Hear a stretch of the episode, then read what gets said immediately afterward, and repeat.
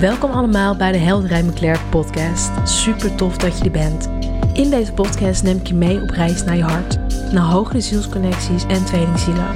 En onderzoeken we wat jouw zielsconnectie te maken heeft met het empoweren van je godinnenenergie. Ik heb er zin in en ik hoop jij ook. We gaan beginnen.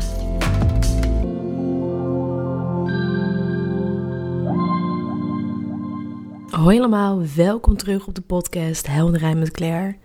Super tof dat je er bent. Hey, we gaan het in deze podcast hebben over relaties. En ja, ik heb het al eerder op Helderij met Claire besproken. Daar heb ik toen een college met Claire opgenomen over. ehm, ja, ehm, waarom je in een bepaalde zielscontract zit. Of wat de aard van de connectie van een zielscontract is. Maar ehm, ik ga er gewoon dieper op in. En de reden dat ik daarop inga, is omdat wij in een collectieve opscholingsproces zitten. Ehm, je ziet dat ontiegelijk veel veranderingen in de wereld zijn.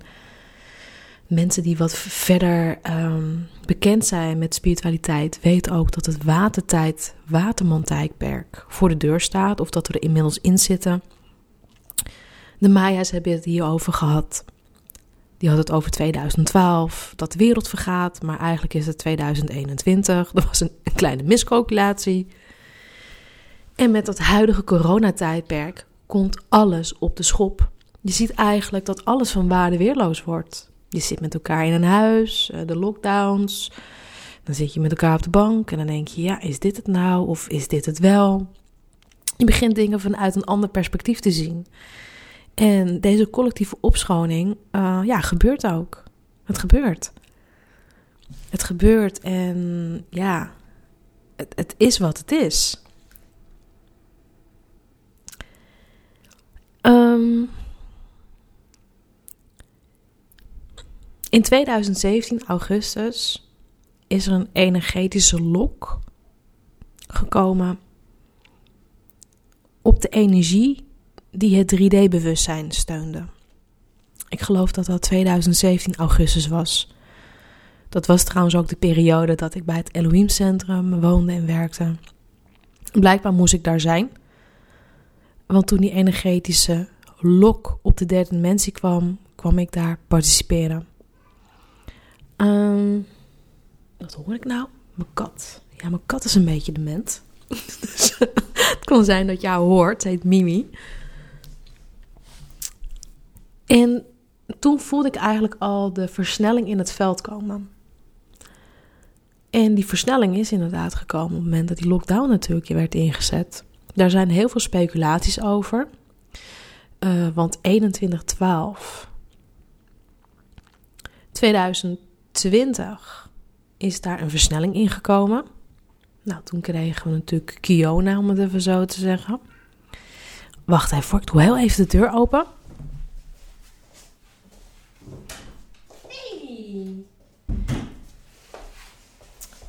Ja, mijn lieve beestjes. Um, en er zijn gewoon heel veel veranderingen gekomen. Um, ik merkte bij mezelf dat ik vanaf 2017 heel versneld door een bewustzijnsproces heen ging. En ik was toen ook net afgestudeerd en ik wilde iets doen voor de samenleving. En toen ben ik me eigenlijk in bepaalde thema's gaan verdiepen. Niet wetend um, dat ik zelf um, ja, het wiel opnieuw voor mezelf zou uitvinden, om het zo te zeggen. En dat is eigenlijk helemaal niet gek, want we zien deze uh, bewustzijnsshifts overal. Mensen beginnen wakker te worden en mensen zien dat er gewoon heel veel dingen in de wereld niet kloppen. Maar mensen beginnen ook in te zien dat heel veel dingen in hun relatie niet klopt. Dus je moet het een beetje zien als de bezem door je kast. En hoe het went of keert, um, wij hebben geen invloed wat er op wereldtoneel eigenlijk gebeurt, maar jij hebt wel invloed wat er op relationeel level gebeurt. En hoe het went of keert, wij zitten allemaal in een relatiesysteem. En deze relaties die wij met een partner hebben, met collega's hebben, met vrienden hebben. Maar ik richt me even op de romantische relaties, omdat ik natuurlijk ook voor het uh, tweelingzielencollectief natuurlijk leg. Uh, en daar ook de mensen mij van kennen. En ja, daar ben ik echt in gespecialiseerd. Komen dus relaties, of dat nou met een karmic, met een soulmate of een tweelingziel is, alles komt op scherp te staan. En dat heeft te maken met de huidige wereldontwikkeling. Waterman-tijdperk noemen ze het ook. Eh, ik kan erbij toevoegen dat dat komt omdat de Sakine Energy die komt nu binnen. De Sakine Energy is de heilige moeder, dus de heilige goddelijke moeder energy. Dus je hebt een mannelijke en een vrouwelijke energie. En dit is dan de vrouwelijke energie. En die komt vanuit de kosmos ingedaald en vanuit de kern van moeder aarde. Dus vanuit twee kanten. Um, ik heb dit van Joke geleerd bij Mentrix. Ik werk zelf ook met de Sakine Energy. Ik heb er ook mijn inwijdingen inmiddels in gehad. En ik kan je zeggen dat die Sakine Energy, dat is een energie. Dat is een, is een hele, het is een hele unieke energie, omdat die ook nooit op aarde geweest is. Maar die energie is nodig om de nieuwe gouden aarde te manifesteren. En die energie gaat overal doorheen ook in jouw huidige relatie. En wat ik gewoon heel veel zie, en ook in de praktijk en ook um, cliënten die zeggen: Ja, Claire, het, het, werkt niet meer met mijn partner. Ik weet niet, ik voel het gewoon niet. Uh, of ik heb een soulmate ontmoet, of ik heb een tweelingziel ontmoet. Wat moet ik doen? En hoe je het bent of keert, jij kan een soulmate uh, ontmoeten hebben of een tweelingziel. Maar als jij niet de mechanics snapt waarom jij met een bepaald iemand in een relatie verstrikkeld bent en jij gaat niet zien wat de blauwdruk is van de connectie en waarom je iemand hebt aangetrokken onbewust op archetypisch level. Jij kan wel tien keer de tweelingziel gezien hebben, maar je zit gewoon vast. En je zit vast omdat jij niet geleerd hebt wat je moest leren en je leert pas wanneer je vanuit een helder perspectief ziet wat het is. En dan kom ik zo meteen op terug. Kijk, mensen staan nu gewoon op een punt om bepaalde relaties onder loep te nemen. Dat doe ik ook, dat doen we allemaal. Langdurige relaties zelfs. Hè? Dus langdurige relaties onder loep te nemen. Ehm, om die eventueel weg te doen als die niet opliftend zijn. En opliftend is dat het op die sekine energy mee kan. Oftewel het 5D-bewustzijn. Of omdat de situatie gewoon geen progressie hebt. Dus stel nou, hè, als ik dat bijvoorbeeld bij mezelf kijk, mijn, ja, mijn, ehm, mijn ex-vriend, daar heb ik heel lang een relatie mee gehad. En de situatie kwam niet vooruit. Het was steeds een loop en een loop en een loop. En elke keer hield je maar vast in de hoop dat je diegene beter kon maken of kon helpen. Maar wat is dat dan dat jij dat gebroken vogeltje aantrekt? Waarschijnlijk heb jij een healers-archetype. Een healer-archetype is iemand die anderen wilt helpen, anderen beter kan maken. Hè? En je zal dan heel erg ehm, open en kwetsbaar naar je relatie moeten kijken. Van ja, ik ben alleen maar het geven, aan het geven. Ik zet iemand aan een infuus en iemand neemt en neemt. Het wordt niet beter. Het put me uit. Claire, waar heb ik mee te maken? Ja, dan zal ik je wat vragen stellen. Dan zal ik naar je kijken. Dan zal ik in je energieveld checken. Wat ik met de kaarten, wat ik via het akasjeveld doorkrijg. Maar vaak met vijf vragen kom ik eruit. Valt het je op dat je vaker dit soort mensen hebt aangetrokken? Ja, ja, maar mijn vorige twee ex-vriendjes waren dat ook. Oké. Voel je je helemaal leeg? Ja, ik voel me leeggetrokken um, geeft hij gehoor? Is hij emotioneel eh, aanwezig? Nee, hij is niet emotioneel aanwezig, heel koud, maar we hebben wel goede seks. En dan gaat het weer goed. En uh, ja, ik zit in een loop in een loop. Dan kan ik je eigenlijk al bijna vaststellen dat je met een energievampier te maken hebt. Als dat dus het geval is. Kijk, en ik, we komen hier niet om mensen ehm, de les te lezen. Daar hou ik zelf ook niet van. Maar je dient wel duidelijkheid te hebben. En als jij mogelijk in een energetische vampiric connection zit. ja, jij gaat niet vanuit de bodem voelen, snappen, beleven wat de werkelijke aard van die connectie is en wat jouw bezieling die te leren. En dat je dat daar een bewuste keuze in maakt. Want ook negatieve zielscontracten kunnen omgebogen worden als je het snapt en vanuit bezieling een keuze maakt. Maar dan moet je het wel eerst snappen. Dan zou je dat ook niet meer aantrekken. En anders blijf je in een loop, in een loop. En dat is de volgende partner van Perrick. En ik denk dat ik daarom ook deze uh, podcast opneem. En ik kan natuurlijk niet mijn kennis in één uurtje vertellen. Ik heb daar misschien wel 80 uur voor nodig. Alleen om dit topic van relaties uit te kunnen leggen. Maar ja, goed, dan kunnen we gewoon lekker veel podcasts maken, zeg ik. Er zijn gewoon hele grote um, processen in de wereld gaande, planetair. Hè? Dus de evolutie van uh, dat alles eigenlijk is in het leven een archetype. Alles heeft met cyclussen te maken. Alles is in transitie. En zelfs de evolutie van onze planeten is een archetype, want we gaan van vissen naar waterman. Op microlevel heb je relaties, heb je relatiemagneten. En we dienen dus ook op globaal level te kijken van wat is er aan de hand. De tijdgeest is nu bijvoorbeeld heel anders dan bijvoorbeeld 100 jaar terug. En op metaniveau, dus de magneten van onze tijd, is de shift die eigenlijk uh, de dominante mannelijke aspect, hè, dus waar we jarenlang in geleefd hebben, wordt nu langzaam omgewikkeld naar een vrouwelijk tijdperk. Dus een vrouwelijk tijdperk. Dus een tijdperk wat met co-creatie te maken heeft. En om een voorbeeld te geven dat we dat zien, dat zien we dus ook in het bedrijfsleven. Uh, een top-down bedrijfsstructuur, een piramide hè, van uh, piepeltje boven bepaalt alles met de slaafjes. Dat gaat in het nieuwe Waterman-tijdperk niet meer werken. Dan heb je een ronde tafel nodig. Of een donutmodel, of in ieder geval in co-creatie. En alles wordt eigenlijk heruitgevonden omdat het oude niet meer kan bestaan in het nieuwe. En we zien dit dus ook in de wereld met regeringsleiders. Maar ja, goed, ik wil daar niet te veel over uitwijken, want dan wordt het een, David Icke-achtige podcast. En uh, ik voel me niet geroepen om dat te doen. Maar ik voel me wel geroepen om duidelijkheid te geven waarom er afrondingscyclussen zijn. Kijk, in onze aarde gaat ook door een cyclus. Uh, die gaat door de fotongordel. En de fotongordel, dat is een donutachtige gordel. Waar hele hoge energie vanuit de kern van het universum doorheen straalt. En dat noemen ze ook wel de gouden tijd. En hoe je het went of keert. Dit metafysische transitieproces, want dat is het, van tijdperken, spelen nu ook af in jouw wereldje. Wereldje.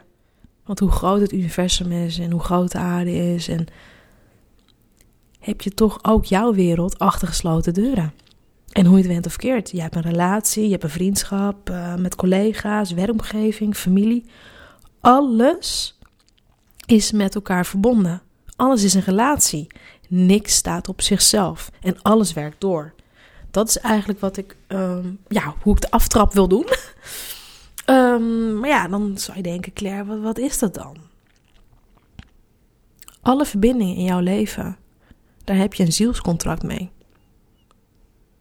En dan kun je denken, ja, wat, wat lul je nou? Ja, daar heb je een zielscontract mee.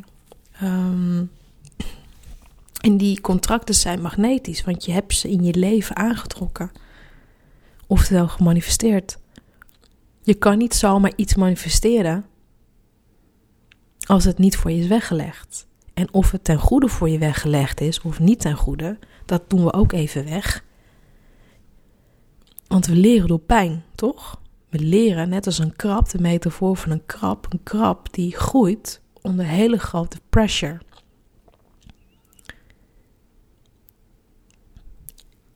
Maar daar gaan we zo meteen verder op in. Caroline de Mees, Robert Otto, Willem Claudemans, Plato, dat zijn een beetje mijn leraren. Die hebben het over heilige contracten. Plato schreef in het boek De Republiek over um, episodes in het leven: de geboorte, de liefde, de dood, het huwelijk. En die zag ook in, in diepe meditatie, want hij was een denker, dat niks op het, in het leven op zichzelf staat. Overal was een plan. En Caroline Meis die zag ehm, dat er zielsovereenkomsten waren. En die kon vanuit de kennis van Carl Gustav Jung weer putten.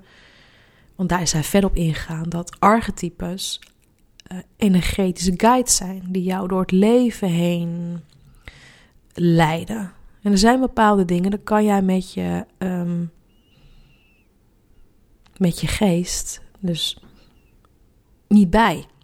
En een voorbeeld is. Het is een waar gebeurd verhaal, want het is een stukje uit mijn leven. Ik heb ooit een keer een vrouw ontmoet, een hele lieve vrouw. En die heeft mij ook uh, begeleid in mijn leven, dat ik nog in mijn twintig was. Die heeft ook initiaties bij mij gedaan op energetisch werk, voornamelijk op reiki. En zomaar uit het niets kwam ik die vrouw weer tegen. Uit het niets. Um, woonde bij mij toen in, in de woonwijk. En haar dochter die liep bij een healer. En haar dochter is heel hoogfrequent, heel gevoelig. En daar raakte ik bevriend mee. Is ook een oud model van mij. En via haar kwam ik met toeval bij een healer uit. Dat was een multidimensionale healer. Ik wist niet eens wat dat was. En die vrouw heelde mij, omdat ik op dat moment door een transitieproces heen was. En ik wilde duidelijkheid hebben over mijn zielsmissie. En op een gegeven moment, um, de laatste sessie had ze gedaan. We spraken over het opleidingscentrum waar zij vroeger op aangesloten was. En ik zeg ja, ik wil daar wonen en werken. En wat denk je? De stroom flikkerde uit. Gewoon boem. Je hoort een klap. De stroom was uitgevallen. En deze healer, die ik heel erg diep in mijn hart heb zitten, die zegt: Claire, dit is het teken. Het is jouw weg om daarheen te gaan. En niets vermoedend ben ik via deze hè, energetische guide richting het hoog noorden geleid. En kwam ik op een spiritueel centrum die 13 mensen nou uitgelijnd is met een van de meest geëvalueerde spirituele leraren ter wereld. En zo is eigenlijk mijn weg naar multidimensionaal heel worden begonnen. Niet wetend dat ik daar terecht zou komen. En er zijn bepaalde dingen die kan je niet, die kan je gewoon niet met, met, het, met het intellect bevatten. Je komt op internet, je komt op een gegeven moment een plaatje van iemand tegen, je wordt aangetrokken door iemands ogen, ik zeg maar wat. En je denkt, die persoon moet ik kennen. En op een gegeven moment ontmoet je die persoon en het blijkt de liefde van je leven te zijn. Hoe dacht je die? En zo zijn er bepaalde mystische wetten die eigenlijk een zielsconnectie begeleiden. En die wetten zijn opgebouwd uit zes wetten.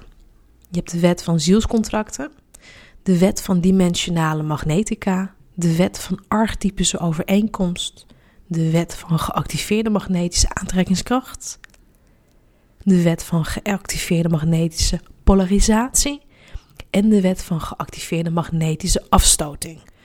Ik ga ze niet allemaal benoemen, want om dit uit te leggen heb ik al een uur nodig. Maar deze wetten zijn dus in verbinding met de wet van karma en oorzaak en gevolg. En je moet snappen dat er bepaalde krachten bezig zijn. Hè? Dus de wet van geactiveerde magnetische aantrekkingskracht is zo'n wet dat je denkt: hoe is het mogelijk dat ik dat dus in mijn veld heb aangetrokken? En een voorbeeld van die wet is Dit is een waar gebeurd verhaal van een leraar die mij dit ooit vertelde. Een vriend van hem, die fietste in Chicago over een fietspad. En in Chicago, als je daar ooit geweest bent, daar heb je dus hele mooie grote fietspaden en looppaden naast elkaar. Het is een heel mooie fietsvriendelijke uh, omgeving. En op een gegeven moment fietste hij langs een man en een vrouw voorbij. En op een gegeven moment werd hij aangevallen door die man. Die zomaar uit het niets hem moest hebben. En dan was hij helemaal van ondaan. En deze man had heel veel vrouwelijke energie in zich. Hij was ook gay. En die man waar hij door aangevallen werd, was dat totaal niet. En dan kan je denken, wie haalt het in zijn hoofd om die man op die fiets daar iets bij uit te halen? Maar je moet je voorstellen dat zo'n wet van hè, de magnetische aantrekkingskracht ehm, ook, hele, ook hand in hand gaat met de wet van polariteit. Die man op die fiets was heel vrouwelijk. Passeerde die man voorbij. Die man die had zoiets van: ik wil um, stoer overkomen bij mijn vrouw. Laat ik die gay eh, gast lekker vernederen. Wat gewoon duidelijk een gebroken alfaman is. Toxic, by the way. En zo voelde die man dat hij tot die man aangetrokken werd. Ja, om er beter van te worden, om stoerder uit de hoek te komen. Of wat dacht je bijvoorbeeld uh, van deze? Een healer die andere healers aantrekt. Die worden ook magnetisch naar elkaar toegetrokken. En dat er een heel groot krachtveld komt. Waarom denk je waarom groepsmeditaties zo sterk zijn? Wat dat doet. En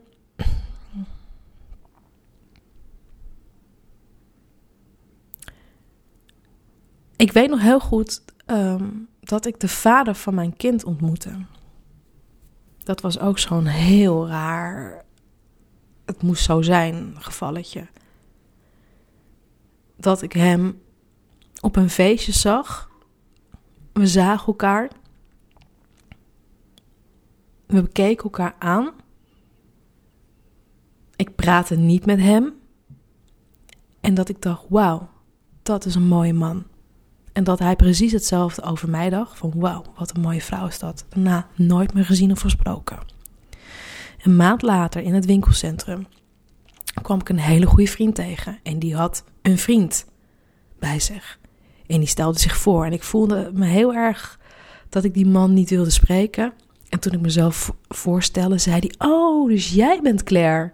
Ik zeg: Pardon? Hij zei: Ja, ik weet al wie jij bent. Mijn huisgenoot die had het over jou. Jij was daar en daar en daar op dat feestje, toch? Ik zeg: Hoe weet jij dat? Ja, ja. Um, zal ik je nummer aan hem geven? Want uh, hij had het wel over je. En toen had ik mijn nummer gegeven en ik werd binnen twee dagen gebeld. En de derde dag zat ik in een restaurant. En de vierde dag had ik een relatie. ja, dus, uh, hè? Dus ik moest toevallig die persoon tegenkomen. Nou, huppa. En dat was dus mijn soulmate. Of was, is mijn soulmate. Want wij zijn gewoon nog steeds een systeem. Niks staat op zichzelf. Een, een zielscontract, en ik beperk me echt op relatieaspect, is altijd georchestreerd. En dit zijn niet mijn woorden, maar dit is wel wat ik gevonden heb. Kijk, je vader en moeder, dat moest zo zijn. Dat is ook zo. We kiezen onze ouders uit om bij te leren. Hoe vreed dat ook kan klinken, dat zal ik later in de podcast dus op ingaan. Maar alles heeft een reden. Er is dus een zielsovereenkomst. En dat is dus, ja. Dat is dus eigenlijk de mystieke paradox. Want life is not random. Er is een plan. En toch is er in dat plan dat jij een bewuste keuze kan maken om bij iemand te zijn of niet.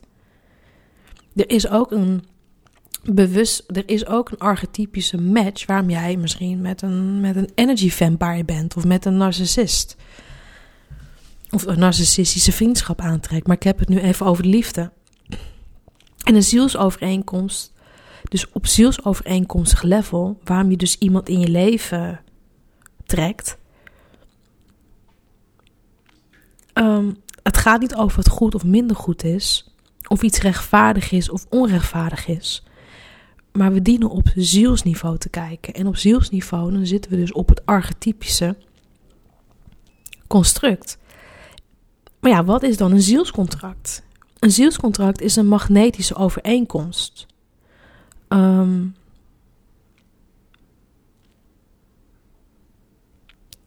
en alles is eigenlijk al georchestreerd. De familie waar je in geboren wordt, uh, de vader of moeder van je eerste kind, uh, je schoonfamilie.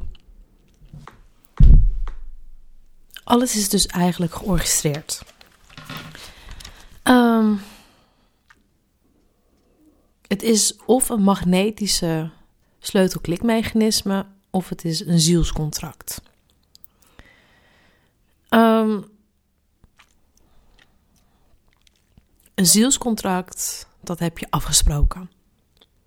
Het moet zo zijn, het lot. Je vader, moeder, oké. Dat is het lot. En of die vader en moeder oké is, daar hebben we het zo meteen nog even over. Maar dat is het. Maar hoe is het dan waarom jij een bepaalde partner hebt aangetrokken? Wat was de magnetische sleutelklikmechanisme dat je elkaar aantrok? Waarschijnlijk omdat jullie op archetypisch level met elkaar klikten. En een archetype. Uh, er zijn eigenlijk vier soorten archetypes in het leven. Uh, volgens Robert Otto. Maar we hebben het nu, daar wil ik niet te diep op ingaan. Maar een sleutelklikmechanisme, sorry, moet je net zo zien als een magneet met plus en min. En op het moment dat ze bij elkaar komen, dan klik, dan komt er een magnetisch veld. En dat magnetische veld, dat is een heel sterk veld. Daar heb je heel wat kracht bij nodig om dat uit elkaar te klikken. Um, je ziet het ook met stroom. dat er dan plus en min, dat er dan eigenlijk een, uh, een veld gemaakt wordt. Um, ik geloof plus naar min, toch? Plus, wordt, plus gaat naar min. En eigenlijk is het ook heel logisch, hè? Um, ik vraag je ook om met technische ogen naar dit te kijken. Ik ben zo vrij, ik kan heel erg vrij goed technisch denken. Dat ik het ook in behapbare stukjes kan maken. Uh, en leen ook daarom ook hetgene wat je nu, wat ik je vertel. Dat we daar technisch naar kunnen kijken zonder eigenlijk dat je getriggerd wordt of dat je meegenomen wordt in het onoverzichtelijke geheel wat er eigenlijk speelt. Je moet het zien als iets buiten. Je moet het zien, een archetype, als een mystiek iets. Wat op archetypisch level technisch heel logisch lijkt. Maar met de logica van onze geest weer niet. Er is altijd een macht kracht, energieuitwisseling op het onderste niveau van archetypes. Een voorbeeld is bijvoorbeeld de leraar en de leerling. De leraar die uh, geeft kennis, de leerling die wordt daar beter van, bouwt zich op. Energieoverdracht is duidelijk. De leraar die voelt zich uh, ja, dat hij de wereld beter aan het maken is. Intuïtie, voelt zich uh, volmaakt. En de leerling die groeit en wordt een betere versie van zichzelf. Maar wat is nou de energieoverdracht van een vampier en een bloeddonor? Het is op zich eigenlijk wel heel logisch, toch? De vampier heeft levenselixer nodig, ontneemt dat van de bloeddonor, voedt zich ermee en de bloeddonor blijft leeg en futloos achter. En toch is er een sleutelklikmechanisme waar een vampier een donor aantrekt en een donor een vampier.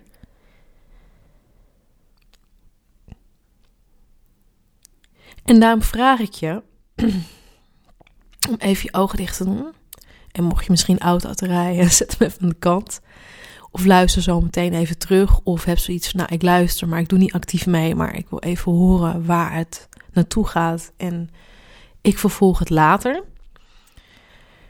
Als je nou eens je ogen dicht doet en je ademt even goed in en uit en je zingt in je lichaam.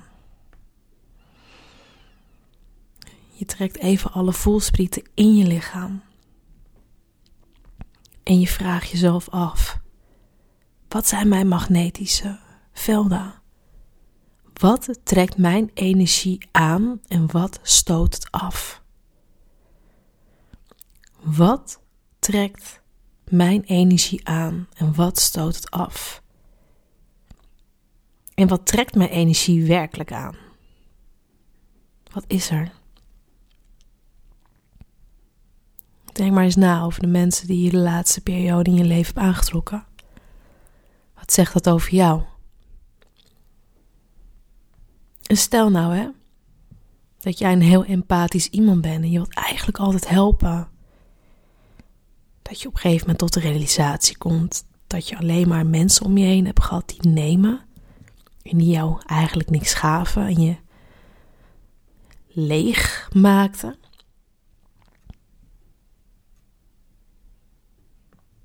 Welke relatiemagneten? Doe je ogen maar open. Ik wil verder gaan op de vampier en de bloedtoner. En dat zijn schaduw, uh, schaduwmatches. Oftewel schaduw, archetypische schaduwmatches. Die heel veel voorkomen. Uh, het boek van Destructieve Relaties op de Kop. Ik heb dat boek gelezen van Willem Storms. En die heeft uit eigen onderzoek kunnen concluderen dat 10% van de samenleving dat daar narcissistische, psychopathische mensen in rondlopen. In natuurlijk niet de hoogste gradatie van wat een psychopaat zou kunnen zijn, maar dat zeker één persoon in de familie die onderstromingen heeft. En dat je zeker in je leven met, met narcisten te maken gaat krijgen. Of mensen die die kenmerken hebben. We gaan niet over goed en slecht praten, want het, het topic narcisme is natuurlijk een heel goed groot topic waar je al heel veel podcasts over kan maken. We hebben het nu over waarom je het aantrekt. En dat is ook niet onder beschuldigende vinger naar een vampierachtig persoon eh, te wijzen. Want dat zijn vaak narcisten en sociopaten en noem op. Ze onttrekken energie om zichzelf beter te vullen. En jou eigenlijk ja, jij laat die energie uit je wegzuigen. Maar er is een sleutelklikmechanisme waarom je die mensen aantrekt. En vaak zie je bij een vampierachtige construct iemand die de vampierarchetype in zichzelf hebt, of misschien heb je hem zelf onbewust. Het is altijd op verleiding gebaseerd. Er zit altijd iets seksueels eronder. Je ziet het ook in de vampierverhalen Twilight, die hele knappe jongen, die vampier is en die op dat lieflijke schaapje, dat hertje verliefd wordt, dat mensenmeisje en haar in haar nek bijt, maar ook weer haar niet tot verdoemenis wilt laten. Er is altijd een vorm van seduction. Je wordt verleid. Hé, hey, wat zie je er goed uit? Laat me naar binnen. Wauw, je bent zo'n prachtige vrouw. Laat me naar binnen. En de bloeddonor, die voelt zich geliefd, misschien wel begeerd, misschien wel gehoord. Oh, hij heeft me nodig. Dus ik moet echt wat voor hem betekenen. En daarmee geeft haar kostbare pranenenergie weg. En het gaat niet over goed en slecht. Um, ik denk dat we allemaal wel eens met zo'n construct in het leven gemaakt hebben. Maar als je heel goed kijkt naar de bloeddonor, de bloeddonor heeft een issue met self-esteem, self-worth. Ja, hij heeft mij nodig. Omdat hij mij nodig heeft, dan moet ik wat voor hem of haar betekenen. En daardoor blijf je in een loop, in een loop met een emotioneel niet beschikbaar iemand in verbinding. Of geef je jezelf alleen maar weg voor seksuele handelingen. Of blijft diegene onbereikbaar en zal die nooit voor jou gaan. Maar hij wil wel van jouw kostbare energie snoepen. En als we daar naar kijken, naar zo'n construct, dat is dus een schaduwmatch. En hoe je het went of het keert, je hebt er gewoon mee te dealen.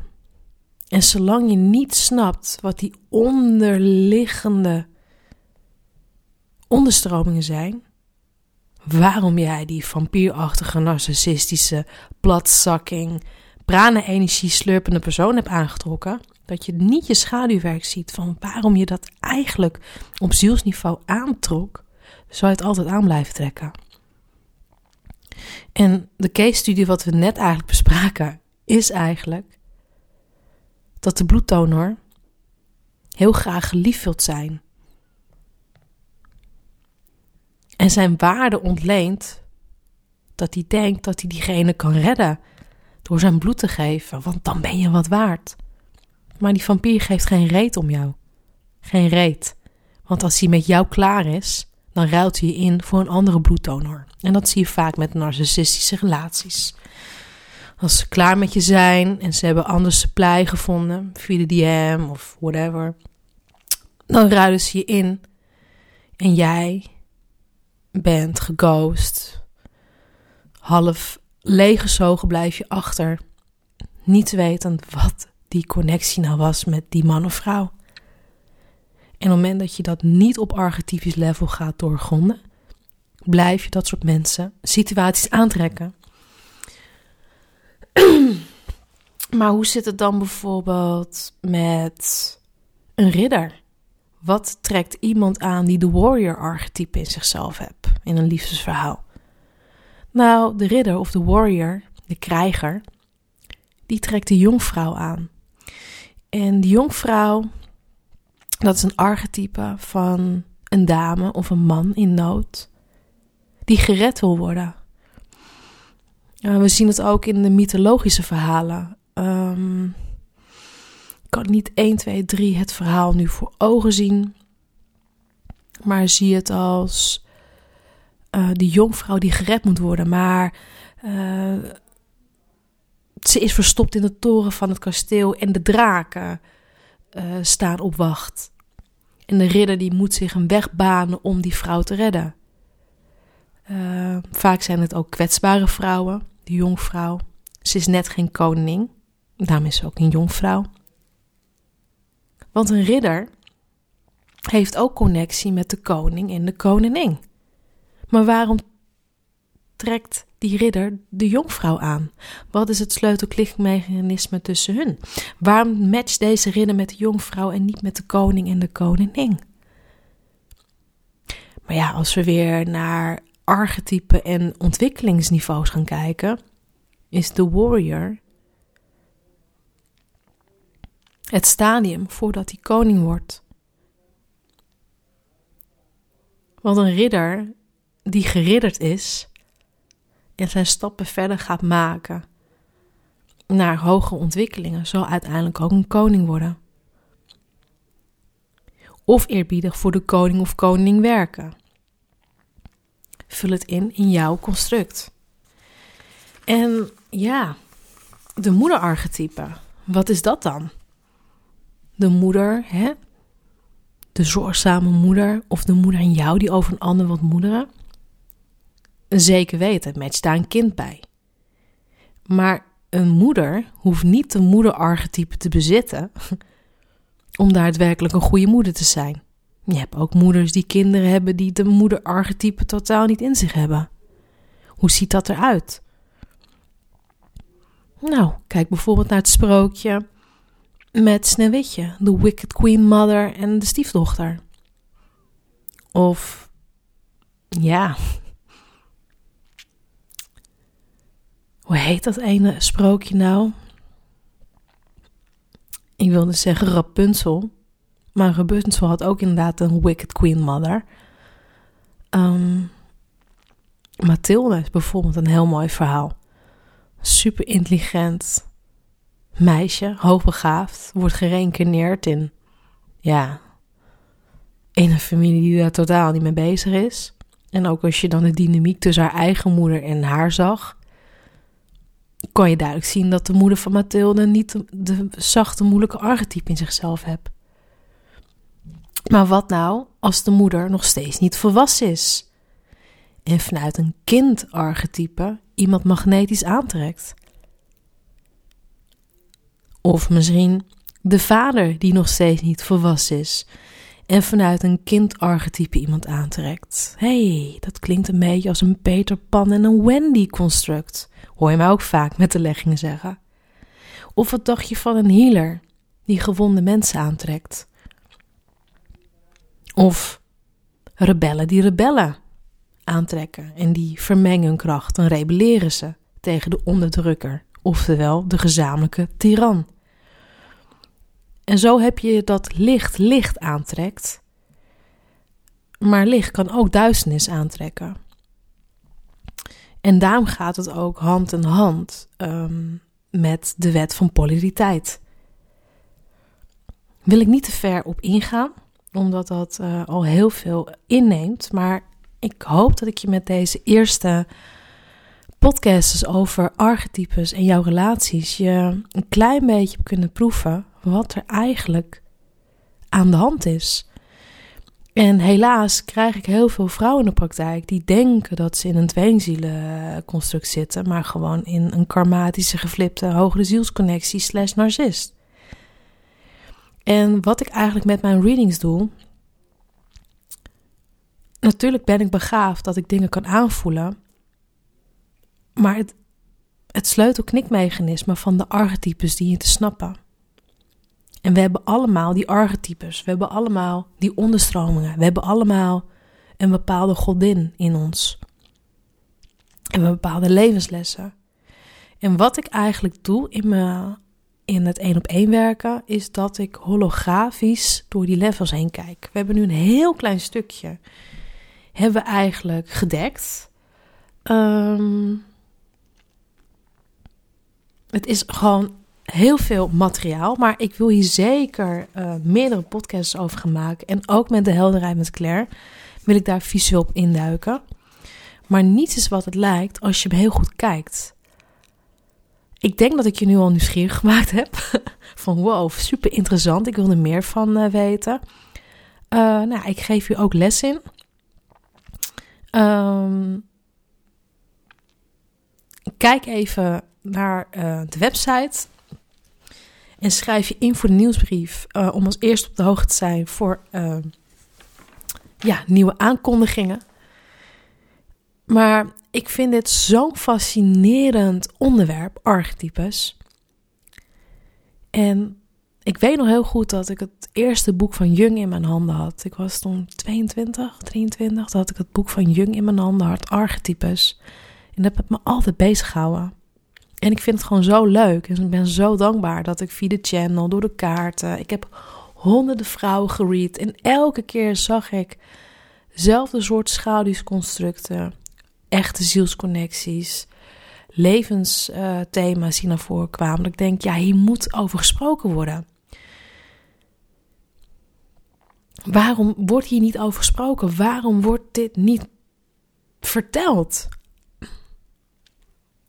Want je komt bijna niet los uit een connectie. Dus ja, ik wou zeggen, dankjewel voor het luisteren voor deze allereerste uh, podcast over zielsconnecties en de archetypes. Um, ja, tot de volgende keer. Hey, doei!